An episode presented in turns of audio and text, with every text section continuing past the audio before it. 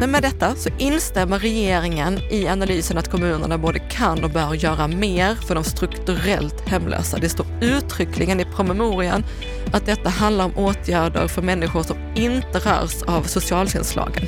De som inte har någon missbruksproblematik eller? Precis. Så här tycker jag faktiskt att i ett väldigt byråkratiskt språk finns det en tämligen tydlig signal från regeringen till kommunerna att de både kan och bör göra mer.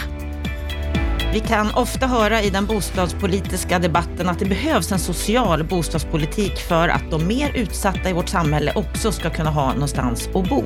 Bostad är en mänsklig rättighet. Idag är det många som faller utanför. Efter nästan två år så väljer regeringen att gå vidare med några av Carolina Skogs bostadssociala förslag som kan leda till att det blir mer tvingande krav på kommunerna, men att det finns utrymme för staten att göra mer. Idag så får du möta den förra miljöministern Carolina Skog som numera arbetar för Stadsmissionen i ett samtal om förslagen som nu blir verklighet. Om kampen för att bostadsfrågan inte ska hindra kvinnor att lämna destruktiva relationer. Och vi ska också prata om den nya rapporten som Stadsmissionen har kommit med om den dystra utvecklingen kring hemlöshet i Sverige, där de fokuserar på den dolda hemlösheten. Stadsmissionen tror nämligen att antalet hemlösa ökar, för det är fler som söker sig till deras verksamhet. Varmt välkommen till Bopolpodden, till ett otroligt angeläget och intressant samtal. Samtalet kommer att kommenteras av Kent Persson i slutet. Jag heter Anna Bellman.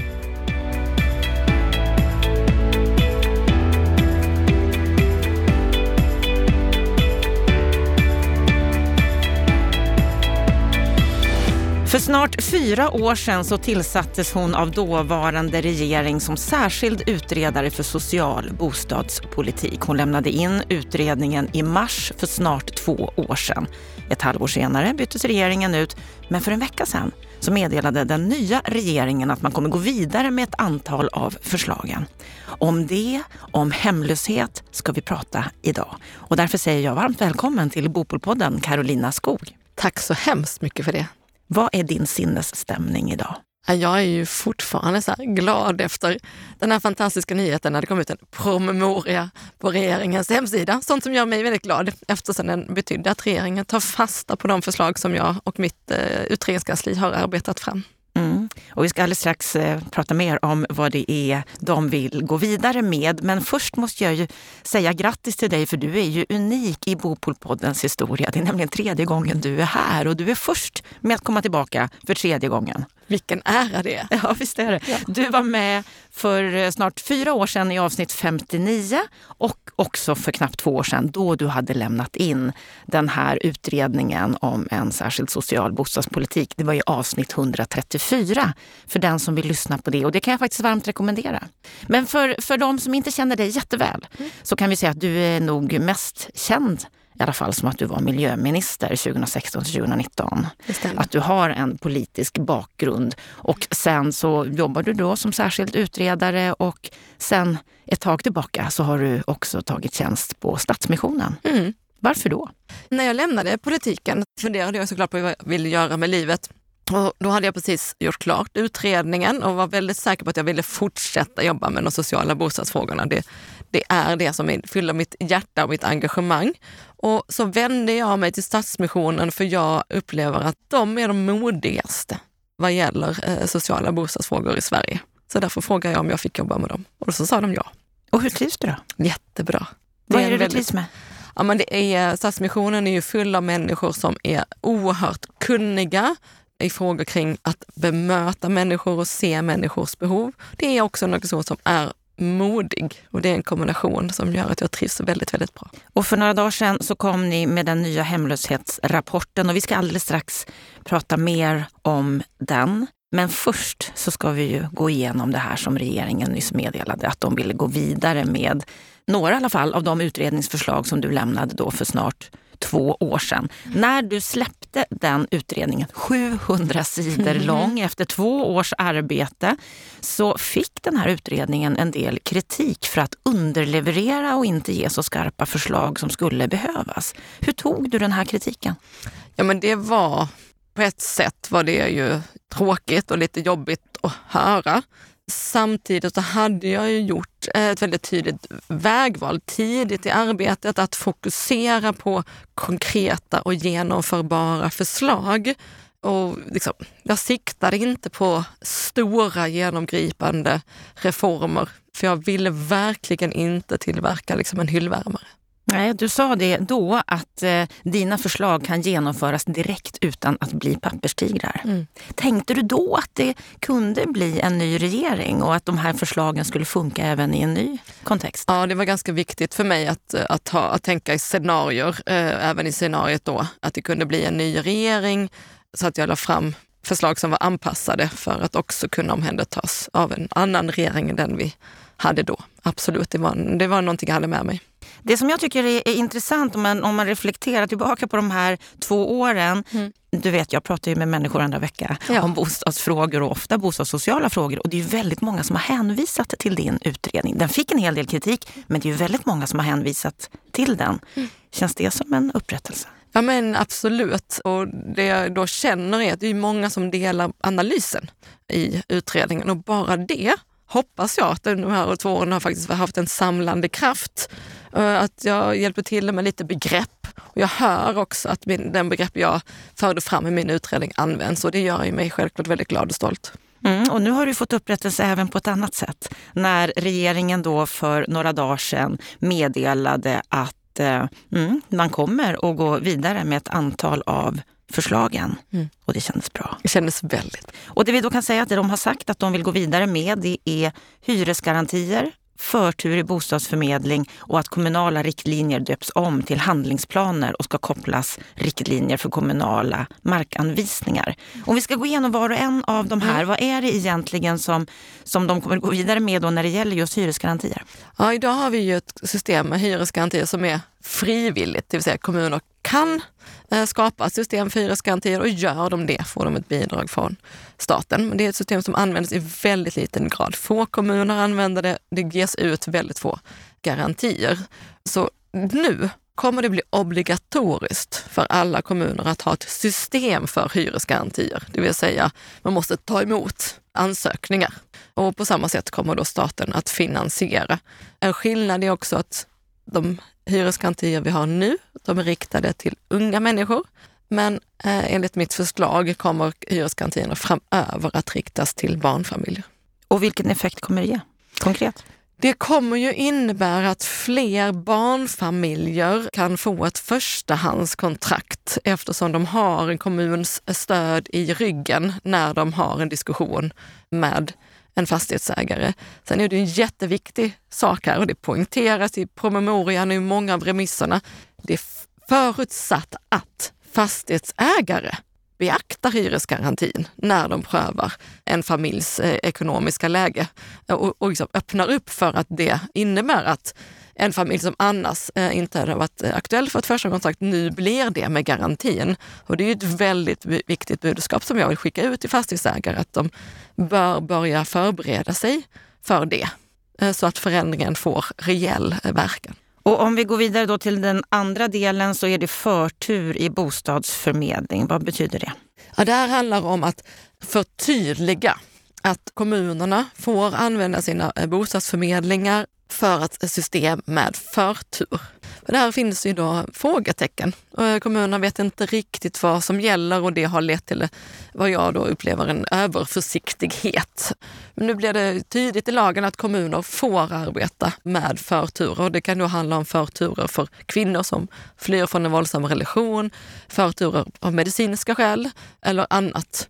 Eh, och att det inte strider mot eh, lagen helt enkelt. Det ger ett ökat handlingsutrymme för kommunerna. Och just det här du nämner, att eh, ge ett ökat skydd och eh, möjlighet för våldsutsatta kvinnor att, att få en bostad. Det var ju det avsnittet, skulle jag säga, i den förra podden du var med i som var allra starkast. Jag blev väldigt berörd mm. när du berättade om kvinnor som inte får en bostad, som går tillbaka till mannen som slår mm. och många gånger blir misshandlad till döds. Mm.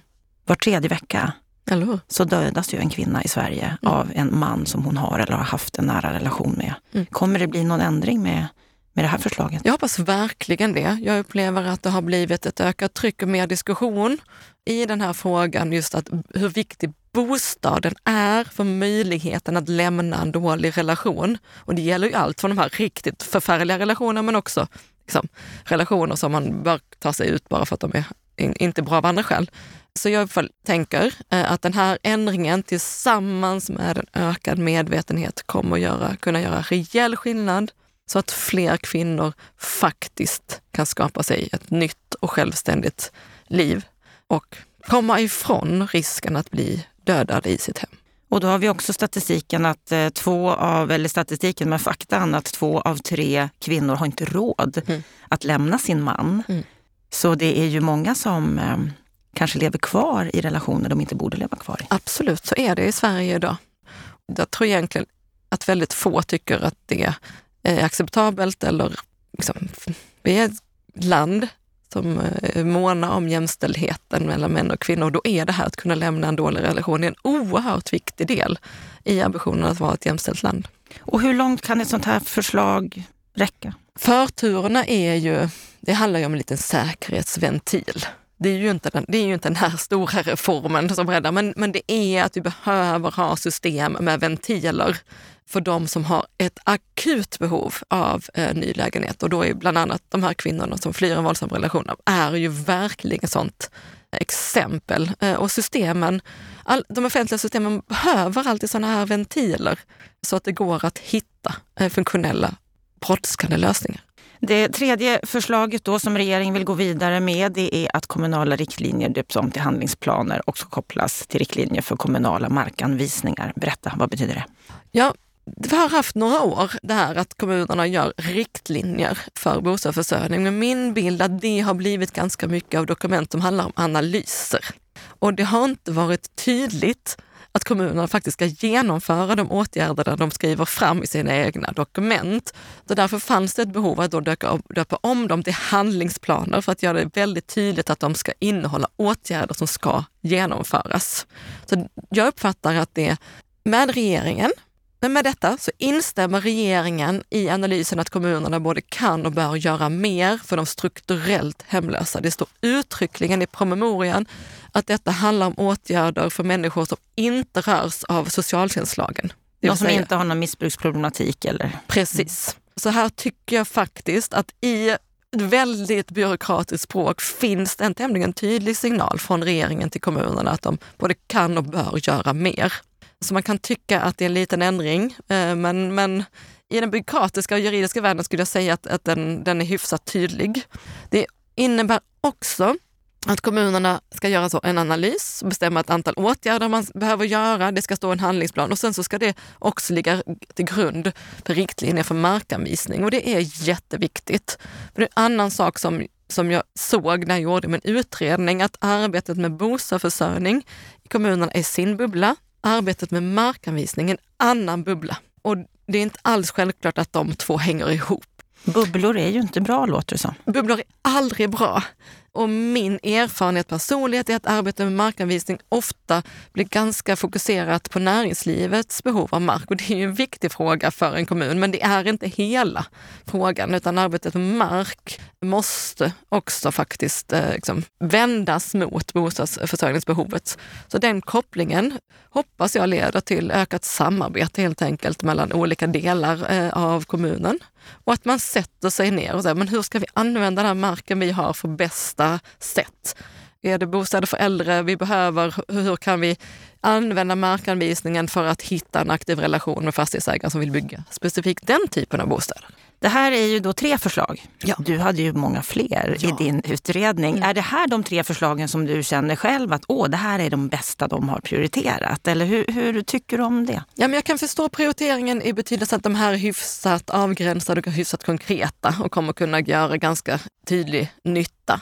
Sen står det i promemorian att ett antal andra förslag är då under fortsatt beredning i regeringskansliet, vilket betyder att de är inte döda.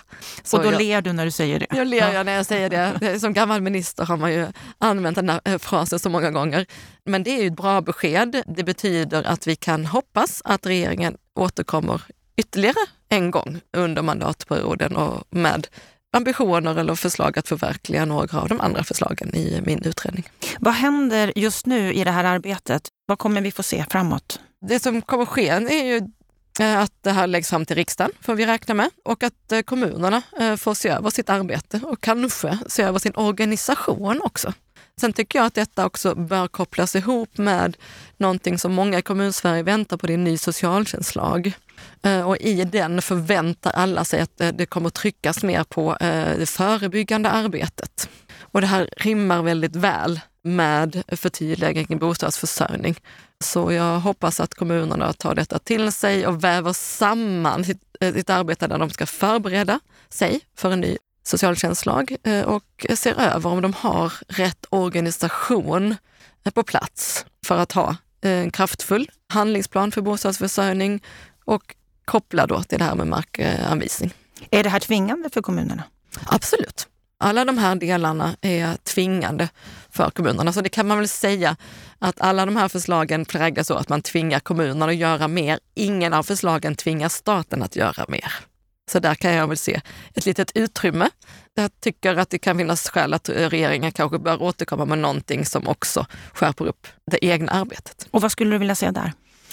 Ja, som jag sa när jag lämnade min utredning så är det ju, man måste ju också fejsa att det någonstans kommer att handla om pengar att kopplingen mellan att ha svårt att komma in på arbetsmarknaden och svag ekonomi är ju oerhört stark. Och där finns, har det hänt en bra sak som jag inte sett eh, rapporterad någonstans och det är att regeringen kommer göra några ganska tekniska men väldigt viktiga förändringar i bostadsbidraget som kommer göra det möjligt att höja bostadsbidraget permanent. Vi har under de senaste året sett ett antal tillfälliga höjningar av bostadsbidraget och de har varit tillfälliga på grund av att det funnits en del strukturella skäl med bostadsbidraget. Men när de rättas till så ser jag fram en diskussion om att det kanske skulle finnas utrymme att höja bostadsbidraget permanent. Det, skulle, det är ju jag säga, den enklaste vägen för en regering som vill ta ökat finansiellt ansvar. Ja, för det eh, verktyget finns redan? Det finns redan. Det, det är bara att flytta siffror i Excel-filen eh, och öka upp det. Det kanske inte är jag skulle kanske gärna se ytterligare åtgärder, men i andan av att föreslå sånt som kan åtgärdas direkt eh, så skulle jag vilja peka på det. Väldigt många efterlyser ju en heltäckande ny social bostadspolitik. Mm. Mm. Vad skulle du vilja se i en sån? Ja, inte minst om jag då börjar ta på mig eh, Stadsmission-hatten. Så Stadsmissionen har ju länge efterfrågat just det. Och den behöver ju då också liksom inkludera ett arbete om hur vi, hur vi får till stånd den typen av bostäder som människor i ekonomiska svårigheter kan efterfråga. För det är den nöten man inte knäckt med de åtgärder vi har sett historiskt. Så vi är en bit ifrån? Vi är fortfarande en bit ifrån. Vi Ganska har en, långt ifrån? Vi har en dysfunktionell bostadsmarknad. Och för att komma till grund med det behöver man ju som titta på egentligen de ekonomiska förutsättningarna, ta upp det som jag vet Lennart Weiss brukar ta upp, riskdelningen. Ligger den rätt? Då behöver man komma ner ganska långt ner i skattesystemen och sånt. Så det är omfattande arbete som behöver göras. Men jag tycker det är otroligt viktigt att man inte låter efterfrågan på den typen av reformer stå i vägen på att man också gör saker här och nu. Utan det behövs faktiskt både och. Hur mycket försvåras det här av att vi befinner oss i en rätt så besvärlig lågkonjunktur? Mycket. Lågkonjunkturen innebär ju att det reella konsumtionsutrymmet för många människor har krympt. Eh, maten har blivit dyrare, fler hushåll står i eh, slutändan av månaden och kanske behöver välja mellan en ny en matkasse och hyran. Eh, skuldsättningen ökar och det har gjort under fler år. Det blir allt mer allvarligt samtidigt som kommunernas ekonomi är pressad och, och regeringen måste liksom, hålla nere på sin konsumtion i hänvisning till inflationen. Men det finns självklart ett handlingsutrymme i varje situation. Eh, det handlar också om prioriteringar, eller det handlar ganska mycket om prioriteringar. Om nu staten måste göra, välja väldigt väl vilka utgifter man tar på sig, eh, så finns det ändå ett val att göra i det. I ett av dina förslag här då som regeringen går vidare med, det här med markanvisningar. Så vad jag förstår så finns det ett uttryckligen att det ska kunna riktas till idéburna mm. organisationer. Mm. Stämmer det? Ja, jag blev också väldigt glad när det också upprepas i den här promemorian som regeringen har lagt ut. För det, var, det är en av skälen varför jag tycker att man liksom bör eh, fundera igenom sin markanvisning. För idag är det liksom, de stora aktörerna eh, som kan systemet tar sig ganska liksom, hyfsat lätt igenom eh, systemen med markanvisning. Men idéburna aktörer har väldigt svårt att hitta fram där, så det är ett stort hinder för ideella och idéburna projekt att förverkligas. Så det är väldigt bra att regeringen upprepar att markanvisningar kan användas eh, för att släppa in idéburna aktörer. Och då menar man ju riktas till idéburna aktörer. Jag tror att det är det som behövs. Att man säger, liksom den här delen, så låter vi olika idéer inom den idéburna sfären konkurrera med varandra. Det finns goda exempel på att det, det är ett sätt att skapa möjligheter för innovation och nya aktörer att träda in. För det finns sådana aktörer som vill bygga och har jättespännande idéer eh, och öppnar upp bostadsmarknaden för, för fler än vad den kommersiella marknaden gör. Och om man tittar på det då i, i kontrast till markpriser och att försöka få ut så mycket som möjligt för, för marken, rimmar det? Det? Det är en fråga man får ställa sig. När jag pratar med de idéburna aktörerna så är det ju faktiskt inte priset som de tycker är det svåraste. Det är byråkratin de tycker är det svåra. Eh, så det är inte självklart att man måste rabattera priset. Det kan man ju välja att göra om man ser att det, det ger sådana värden eh, att det finns ett skäl att göra det. Men det är, jag uppfattar inte att det är det som är det viktigaste. För det tycker jag också är eh, intressant eh, med de idéburna aktörerna, till exempel bygggemenskaper. Att få dem mark och få dem ett lån så kan de vara otroligt duktiga med att trolla med knäna och få ut mycket värde för ganska begränsade medel. De är faktiskt duktiga på det. Du Carolina, för ett och ett halvt år sedan så gick du som sagt till eh, Stadsmissionen i Stockholm. Där är du idag finansieringsstrateg. Vad betyder det? Ja, jag jobbar då nu för tiden för Sveriges Stadsmissioner som är Stadsmissionens riksorganisation. Och vi ser en jättespännande utveckling i det som kallas för social finansiering. Eh, nya möjligheter att, att rikta eh, helt enkelt kapital till sociala investeringar. Så mitt jobb är att förstå det som händer och hur, vi kan, hur det kan öppna upp för nya partnerskap för våra medlemmar. Om vi tittar då på de erfarenheter du har fått under de här ett och ett halvt åren, hade du gjort något annorlunda i din bostadssociala utredning? Oh, det är svårt att säga. Man gör ju alltid saker eh, liksom, där och då. Och jag anpassade mig ganska mycket åt eh, liksom förutsättningarna. Jag gick till exempel inte in på de delar som jag förväntade skulle komma i eh, hemlöshetsstrategin, men jag hade inte läst den. Nu har jag läst den och då ser jag vad jag tycker fattas, men, men det är ju en efterhandskonstruktion. Mm. Och nu kom ni förra veckan med er nya hemlöshetsrapport som ni kommer med en gång per år. Vad ja. säger den här nya rapporten jämfört med den gamla? Ja, I år har vi valt att fokusera på det som vi kallar den dolda hemlösheten. Och det är relaterat till att eh, Socialstyrelsen snart kommer med sina uppdaterade hemlöshetssiffror. Ja, för vi, de förra kom 2017. Precis, vart sjätte år kommer de ut. Och vi är bekymrade över att Socialstyrelsens definitioner av hemlöshet är så snäva att den rapporteringen inte kommer ge hela bilden av den faktiska hemlösheten. Vi möter i våra verksamheter människor som inte har en trygg och god bostad, eh, men som inte får hjälp från det offentliga och heller inte då passar in i den här snäva ramen som Socialstyrelsen säger. Så vi vill flagga för att vår bild är att hemlösheten är större än eh, vad som ryms i Socialstyrelsens rapportering. Och vilka är det då som, som inte ryms i deras rapportering? Vilka är det som är dolda? Men eftersom vi, vi har ju inte heller några siffror, uppenbarligen så är det ju så att de fångas inte av statistiken, men jag har försökt liksom, måla sätta fram, sätta lite liksom, personlighet på eh, dem det kan handla om. Det handlar väldigt mycket om människor som kan ha en betalningsanmärkning, kanske en betalningsanmärkning tillsammans med en låg inkomst. En låg inkomst kan ju vara pension som är stabil men ändå låg. Det kan handla om nyanlända som har varit i Sverige i längre än de två år där de får hjälp av bostad, som kanske har skaffat sig någon förankring på arbetsmarknaden, återigen kanske låga inkomster eller tillfälliga anställningar. Och sen så handlar det, det vi pratade om innan, om kvinnor som har tagit sig ur en, en relation som inte har en ekonomi eh, som gör att man kan få ett förstahandskontrakt. Och där har vi en specifik problem med det som vi kallar för ekonomiskt våld, att den tidiga partnern kan ha satt kvinnorna i, i skuld. Och det är ett hinder för att få en bostad, men det är inte tillräckligt mycket hinder så att man gör att man får kommun, hjälp av kommunen och hamnar i statistik. Och när det gäller då de här dolda hemlösa, mm. tidigare så har vi fått höra i statistiken att det är 30 000 hemlösa i Sverige. Mm. Vad tror ni? Och även om ni inte har några siffror, vad är er uppskattning? Hur många människor kan det röra sig om som är hemlösa i Sverige idag? Ja, det är jättesvårt. Eh, vi, vill, vi gissar inte, men en sak vi gör är ju, man, för att få bilden kan man titta på Boverkets eh, analys av bostadsbrist som ju pekar på ungefär 70 000 hushåll eh, som, som bor på ett sätt som inte är bra. Eh, och det kan ju då handla om trångboddhet till exempel. Det är ju också ett sånt tydligt exempel. Trångboddhet gör ju inte att du får hjälp av kommunen. Utan då har du ju du har en bostad, du har någonstans att sova. Sen att, liksom, att, att dina barn inte har en säng var, det räcker inte som skäl. Så trångboddhet är en sån. Men en viktig sak som vi också lyfter fram tydligt är ju att vi har ju en grå och en svart marknad och det är där, där finns en hel del av människorna som, som inte syns och det kan ju också vara ett hinder, tänker jag.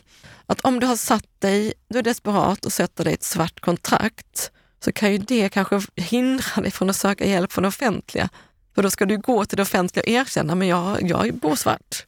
Det, och det tror gör jag... man kanske inte för då blir man av med även det svarta ja, kontraktet. exakt. Eh, och man kanske vet att det är olagligt också, för vilket det är. Så det, det blir ju en, en, en, negativ spiral.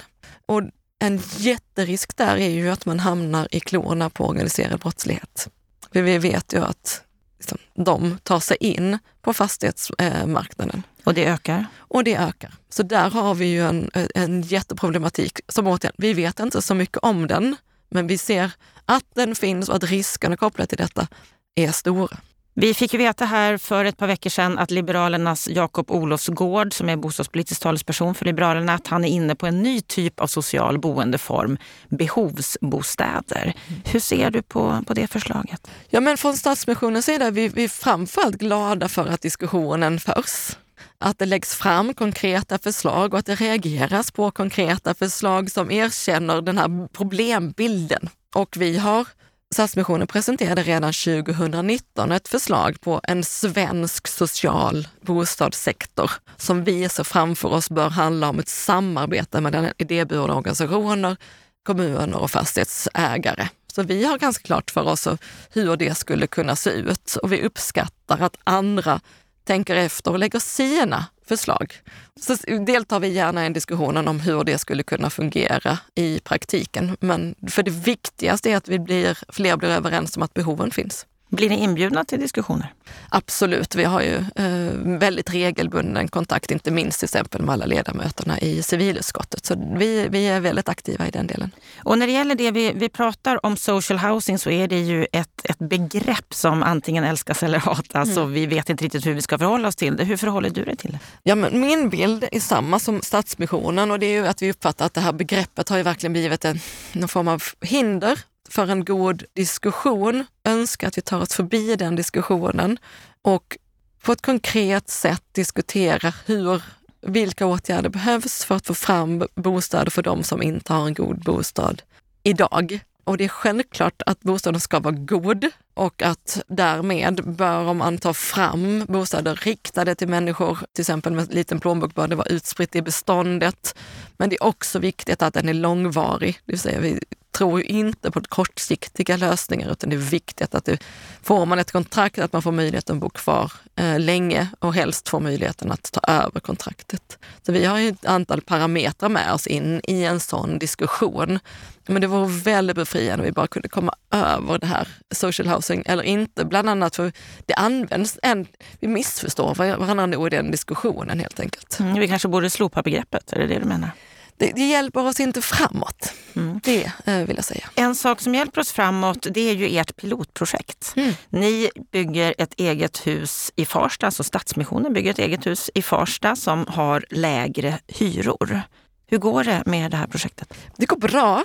Eh, mitt eh, i en lågkonjunktur när andra eh, inte vågar bygga så pågår vårt eh, bygge och det går att åka dit och se, eh, titta nu. Det ser, eh, börjar, man börjar ana, det kommer bli ett väldigt, väldigt fint hus där vi kommer ta in det här såklart att det måste vara en blandning i huset, så därför kommer ju några av lägenheter ha en lägre hyra. Och andra kommer ha en hyra som är likt de andra som finns i det området. Eh, och vi kommer att arbeta väldigt medvetet för att skapa en blandning i huset. Låter lite som Jakob Olofsgårds förslag om behovsbostäder. Det är inte helt olikt, det vill jag inte säga. Vi har lite andra förutsättningar eftersom vi väljer att gå in som fastighetsägare, så det blir specifika förutsättningar för just det här huset. Och det här är ett pilotprojekt. Vad, vad, kan det leda till? Kan det bli ännu fler? Ja, men det är det vi vill. Hela grejen med det här huset handlar ju om att visa att sånt som andra säger omöjligt är möjligt. För ni har byggt med lägre kostnad? Absolut. Vi siktar på att bygga eh, med en sån kostnad som gör att vi kan hålla nere hyrorna. Men också att vi har ritat huset eh, för människor med små ekonomiska resurser.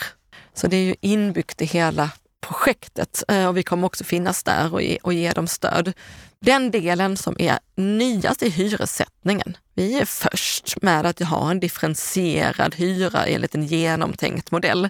Och det hoppas vi eh, att andra ska ta efter. Och för att garantera det, eller för att göra det möjligt, ska jag väl säga, så har vi tagit in forskare från KTH, eh, fastighetsekonomer, som kom, finns med i projektet och kommer göra sin bild och sin analys just från ett fastighetsekonomiskt eh, perspektiv för att kunna sen då göra rapporter som andra fastighetsägare kan ta del av och förhoppningsvis inspireras. Mm, ja, men hyressättning är ju en het potatis Verkligen. i debatten just nu så att vi får hoppas att fler tar inspiration då mm. ifrån er. Men när det gäller just att bygga fler bostäder med betydligt snävare budget, vad borde fler ta efter från ert projekt? Det jag sa innan är att det vi inte, den nöt vi inte lyckas knäcka, det är ju hur vi skapar bostäder som, som funkar för de människor som, som har en, li, en li snäv ekonomisk eh, ram. Och det är ju för att göra det som vi bland annat trycker på att vi tycker att socialtjänsten bör involveras mer i bostadsförsörjningen. För vi behöver, liksom, behöver människor med som verkligen förstår eh, förutsättningarna eh, när man under lång tid lever med en liten ekonomisk budget. Och det har vi ju tagit in här för att och, på, på olika sätt göra det praktiska livet möjligt in i designen av det här huset. Och sen genom en differentierad hyra gör det möjligt att få ett förstahandskontrakt. Alla som flyttar in här kommer få ett förstahandskontrakt från dag ett. Och möjliggöra sen också, vi hoppas också att vi kommer kunna skapa en bra gemenskap i det här huset. Rent konkret eh, har vi också öppna böcker eh, med byggaren, en självklar del. Eh, och jag har lyssnat på tidigare avsnitt här. Det är, det är ju en jätteviktig sak. Eh, att få, inga dolda kostnader, inga saltade fakturer. Nej. Mm. Utan eh, här är den transparensen och renhet, att man vet att varenda krona går in och, och leder till kvalitet i projektet och inget annat. Det är självklart en jätteviktig del. Och där har vi ett jättegott eh, samarbete med, med en byggare som drivs av samma ambitioner som vi. Du Carolina, du har ju som sagt lång erfarenhet från politiken. Du har också erfarenhet från Stadsmissionen. Du har jobbat mycket med de bostadssociala frågorna som utredare. Om vi ska titta på regeringens hantering av den här frågan, hur tycker du att de sköter sig? Ja, men fram till i fredags var det ju väldigt, väldigt tyst. Och sen nu äh, lägger de fram ett antal konkreta förslag och det är ju jättebra. En annan sak ska jag också säga, som de har gjort är ju att de har också förstärkt stödet eh, kring modellen Bostad först, som är jätteviktig. Eh, så där innebär ju att vi har fått ett Liksom, det är väldigt tydligt att två olika regeringar har sagt att det finns ett stöd för en bostad först och det finns också pengar för det. Det har de också eh, gjort. I övrigt så tycker jag att de är eh, väldigt, väldigt försiktiga. Vad så skulle jag, du vilja se mer? Ja, men, det som skulle behövas är ju, är ju det här liksom, stora eh, grundläggande taget kring bostadsmarknaden där man involverar eh, och det skulle behövas så att man inte, det kan inte en minister i regeringen göra, att den inte minst skulle ju liksom finansdepartementet behöva vara med och liksom våga vända och vrida på eh, hur man styr fram en bra och social bostadsförsörjning. Och sätta sig ner med branschen i det, att faktiskt, det är jättebekymmersamt att det byggs så lite nu. Men att jag skulle gärna se att man använder det här till en tankepaus. Vad menar du med det? Tankepaus? Ja, men det finns den här krisen som byggbranschen står i ger ju anledning till att tänka om. Vi kan ju faktiskt använda den här krisen till någonting gott om vi bestämmer oss för det. Så därmed att liksom, för det är svårt i en brinnande högkonjunktur, ändra på ekonomiska förutsättningar är svårt. Så lågkonjunkturen är liksom ett bekymmer, men den är en möjliggörare. Att nu kan man faktiskt gå ner eh, och, och gräva i de ekonomiska förutsättningarna. Tror du att man kommer göra det? Jag har inte stora förhoppningar om det, men jag tänker att det är två år kvar mandatperioden. Eh, det finns gott om tid för dem att återkomma med, med fler konkreta reformer. Så det, den biten tänker jag inte ge upp hoppet om och vi från Stadsmissionen kommer fortsätta ligga kvar på dem i den delen. Det får ni göra, mm. för saker och ting behöver ju förbättras Absolut. inom det här området. Mm. Väldigt trevligt att ha tillbaka dig för tredje gången i Bopolpodden. Jag önskar dig allt lycka till framåt, Carolina.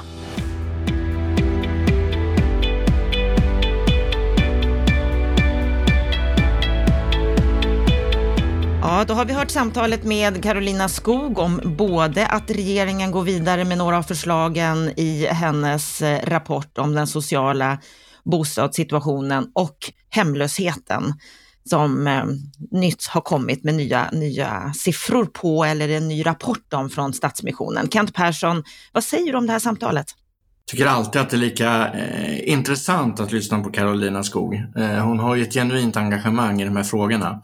Och också med hennes bakgrund från både kommunpolitiken och kanske då framförallt eh, rikspolitiken så har hon ju en mycket god förståelse för det politiska systemet och vad som kan göras. Och som nu så jobbar hon då i, på Stadsmissionen och i frivilligsektorn och jobbar med de här frågorna.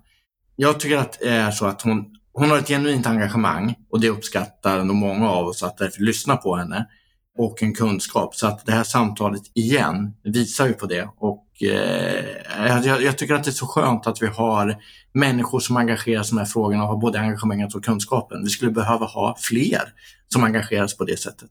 Det som är positivt är ju att regeringen nu då efter två år väljer att gå vidare med några av de förslag som Karolina Skog hade i sin rapport. Vad säger du om att det faktiskt kan bli verklighet med några av de här förslagen? Jag tycker att det är bra att regeringen gör det. Det är ändå en utredning som Karolina Skog har genomfört. Det finns en hel del konkret att gå vidare med. Och nu har de lyft några frågor. Förhoppningsvis får vi också med det ett litet ökat tryck i det politiska systemet att göra ännu lite mer. Det här är liksom de bra, det här är bra första steg. Och framförallt skulle jag säga det att det här med att eh, lyfta de statliga hyresgarantierna, det är ju ett sätt att faktiskt kunna bli mer konkret, att hjälpa fler. Sen tycker jag att, att nu tittar regeringen på att, att det ska vara riktat till barnfamiljer. Man borde kunna bredda det stödet så att det omfattar fler. Det som det här kan leda till det är ju att det blir mer tvingande krav på kommunerna. Är det, är det bra? Jag tycker att det är bra. De här verktygen behöver användas. Det man behöver komma ihåg sen, och det är ju Carolina på, det är ju det att vi behöver en mycket mer aktiv diskussion i det här landet om finansieringen. Vem ska ta ansvar för den här gruppen som har problem att ta sig in på, på bostadsmarknaden och för de som inte alls tar sig in? Eh, och för mig är det alldeles uppenbart att det är staten som måste ta ett större ansvar. Så att här behövs en starkare finansiering överlag från eh, stat, regering för att hjälpa den här gruppen. Sen tycker jag att det kan kombineras med en tvingande lagstiftning att få kommunerna att göra mer. För att i konkret handling så måste ju det, detta ske lokalt och då är kommunerna nyckeln för att vi ska kunna nå en framgång i, i bekämpandet av, av liksom hemlösheten. Mm, hon pratar ju om det, att det är väldigt positivt att det kan bli mer tvingande krav på kommunerna, men att staten borde gå in och göra mer. Ja, jag, jag, tror att det där är jätteviktigt och det, det, här fastnar liksom diskussionen lite grann i Sverige. Först så har vi, tycker jag, en ganska eh, märklig politisk diskussion eller samhällsdiskussion om problemen på bostadsmarknaden och framförallt då de som är utsatta. Det är nästan att vi knappt får lyfta frågan. Eh, och gör vi det så får vi höra att egentligen finns det inga problem eh, och diskussionen kring finansiering är nästan helt obefintlig. Jättemärkligt i ett välfärdsland som Sverige. Något som vi pratar en hel del om när det gäller det här som, som är engagerande, det är ju just det här att bostadsfrågan inte ska hindra kvinnor att lämna destruktiva relationer. Tror du att de här förslagen kan hjälpa den gruppen? Den kan underlätta för den gruppen, absolut. Och eh, det är helt nödvändigt. Men, men jag tror också att det behövs eh, fler förslag för, för den gruppen att kunna säkerställa att när man behöver flytta så ska man inte hindras utav att man inte får en bostad. Det är, det är förfärligt. Sen gick vi ju vidare i samtalet och pratade om den nya hemlöshetsrapporten som Stadsmissionen precis har släppt, där de just lyfter den dolda hemlösheten. Vad säger du om, om det, Kent? Jag tycker att det är bra att det lyfts. Eh, Stadsmissionen är också en, en aktör som har en stor trovärdighet och en hög kunskap om området. Så att jag hoppas nu att när de nu faktiskt har lyft detta i sin rapport, att vi också får en annan samhällsdiskussion om de här problemen och att framförallt politiken nu vågar ta tag i frågorna. Den här dolda hemlösheten, det är ett jättestort problem idag och vi ser att det är ett växande problem. Det är fler grupper som får helt enkelt problem att hålla sig kvar i bostadsmarknaden och det är liksom inte okej. Okay. Så därför tycker jag att det är utmärkt och mycket välkomnande att Stadsmissionen lyfter detta. Mm, Socialstyrelsen ska ju komma med nya siffror alldeles strax. Det var ju många år sedan de gjorde det senast och då var det siffror på 30 000 hemlösa i Sverige och där tror man ju då inte att den här dolda hemlösheten är med. Den strukturella hemlösheten är inte med. Vad tror du vi kommer att få se? Den eh, hemlösheten där man inte saknar bostad helt och hållet, den kanske ligger kvar på de här siffrorna. Det vet jag inte. Kanske ökat något. Men det jag tror det är ju att den här dolda hemlösheten, den har ökat och ökat kraftigt och det borde vara fler i riskzonen. Det har hänt ganska mycket sedan de gjorde den senaste mätningen och vi är nu också på väg in i en lågkonjunktur. Så att de här problemen riskerar att förstärkas och det snabbt. Så att här behöver politiken också skapa beredskap att, börja, att, att, att helt enkelt börja agera. Och vad skulle du vilja se då? Ja, först och främst en modig politisk debatt om att det här är ett problem som vi måste ta tag i.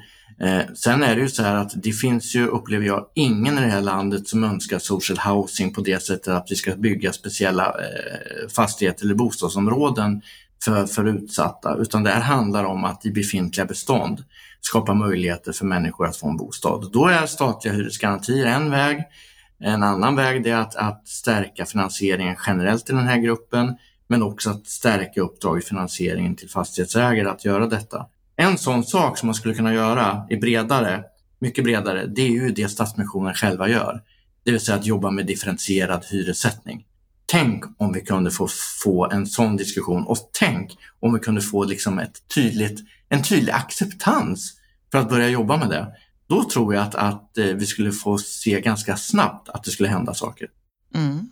Vi får se vad den nya mätningen leder till. Vi får se vad Stadsmissionens nya rapport kan leda till i debatten. Tack Kent för din kommentar. Tack till dig som lyssnar på Bopolpodden. Gå gärna in på bostadspolitik.se och eh, signa upp dig för vårt nyhetsbrev som kommer två gånger i veckan om du inte har det redan. På fredag, då är vi tillbaka igen med veckans Aktuellt, så hoppas vi hörs igen då.